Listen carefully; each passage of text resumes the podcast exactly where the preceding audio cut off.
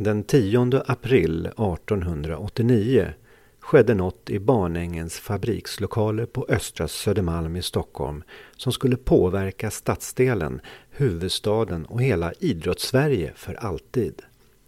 Då bildades Hammarby roddförening av ingenjör Axel Robert Sköntal och några kollegor vid Stockholms bomullsspinneri. Du kan alldeles säkert ana vad som hände sen. Du är korkar som smäller under eldarnas sken.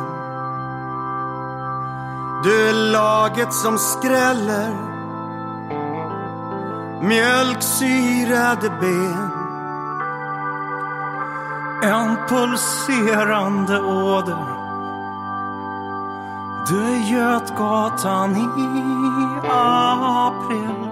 Men i i podden HIF-historia kommer vi att gå igenom det som har hänt i föreningen från 1889 till idag. Ett avsnitt per år. Men det är inte allt.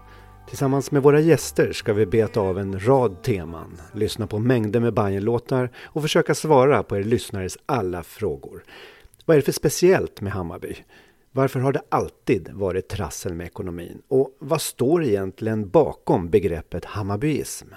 Välkommen till Hammarby Idrottsförenings historiska podd HIF Historia.